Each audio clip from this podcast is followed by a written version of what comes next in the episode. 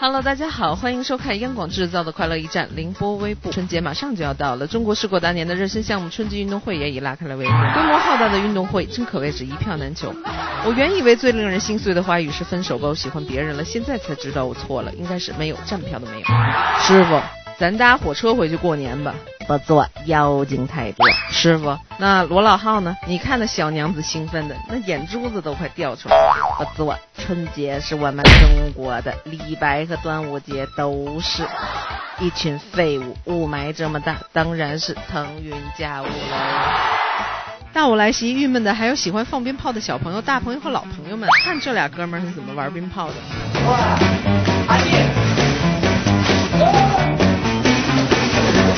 der Feuerwerkskörper brennt im Wasser einfach weiter. 这俩货也太会玩了吧，在水里放鞭炮也太环保了。当然了，不管回家的路有多艰难，大家还是想着法儿的回家看看。悲催莫过人家过年你值班。我说主人，人家也是爹生妈养的，您这值班室是不是设计的太过骚气了？这儿还有一位冒着生命危险在值班的。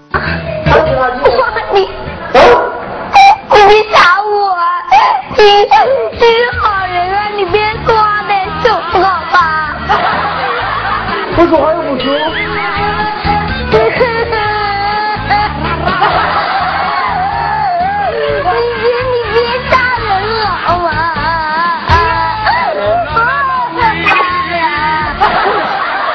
过更更悲催的是，导修放大假，难怪星爷都流泪了。休假以后，我才后悔莫及，自古多假空余恨，此恨绵绵无绝期呀、神联春晚看见啥？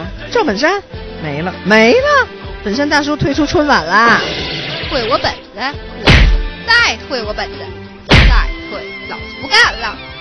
还有郭德纲，郭老师，您这也太销魂了吧！野外训练吧，哪有野外训练？嗨，那边啊那边好呀，三俗的郭德纲登上了和谐的大舞台，不知会是怎样天雷地火黯然销魂呢？元芳，你怎么看？今天的凌波微步就要结束了，给大家带来一首特别的歌。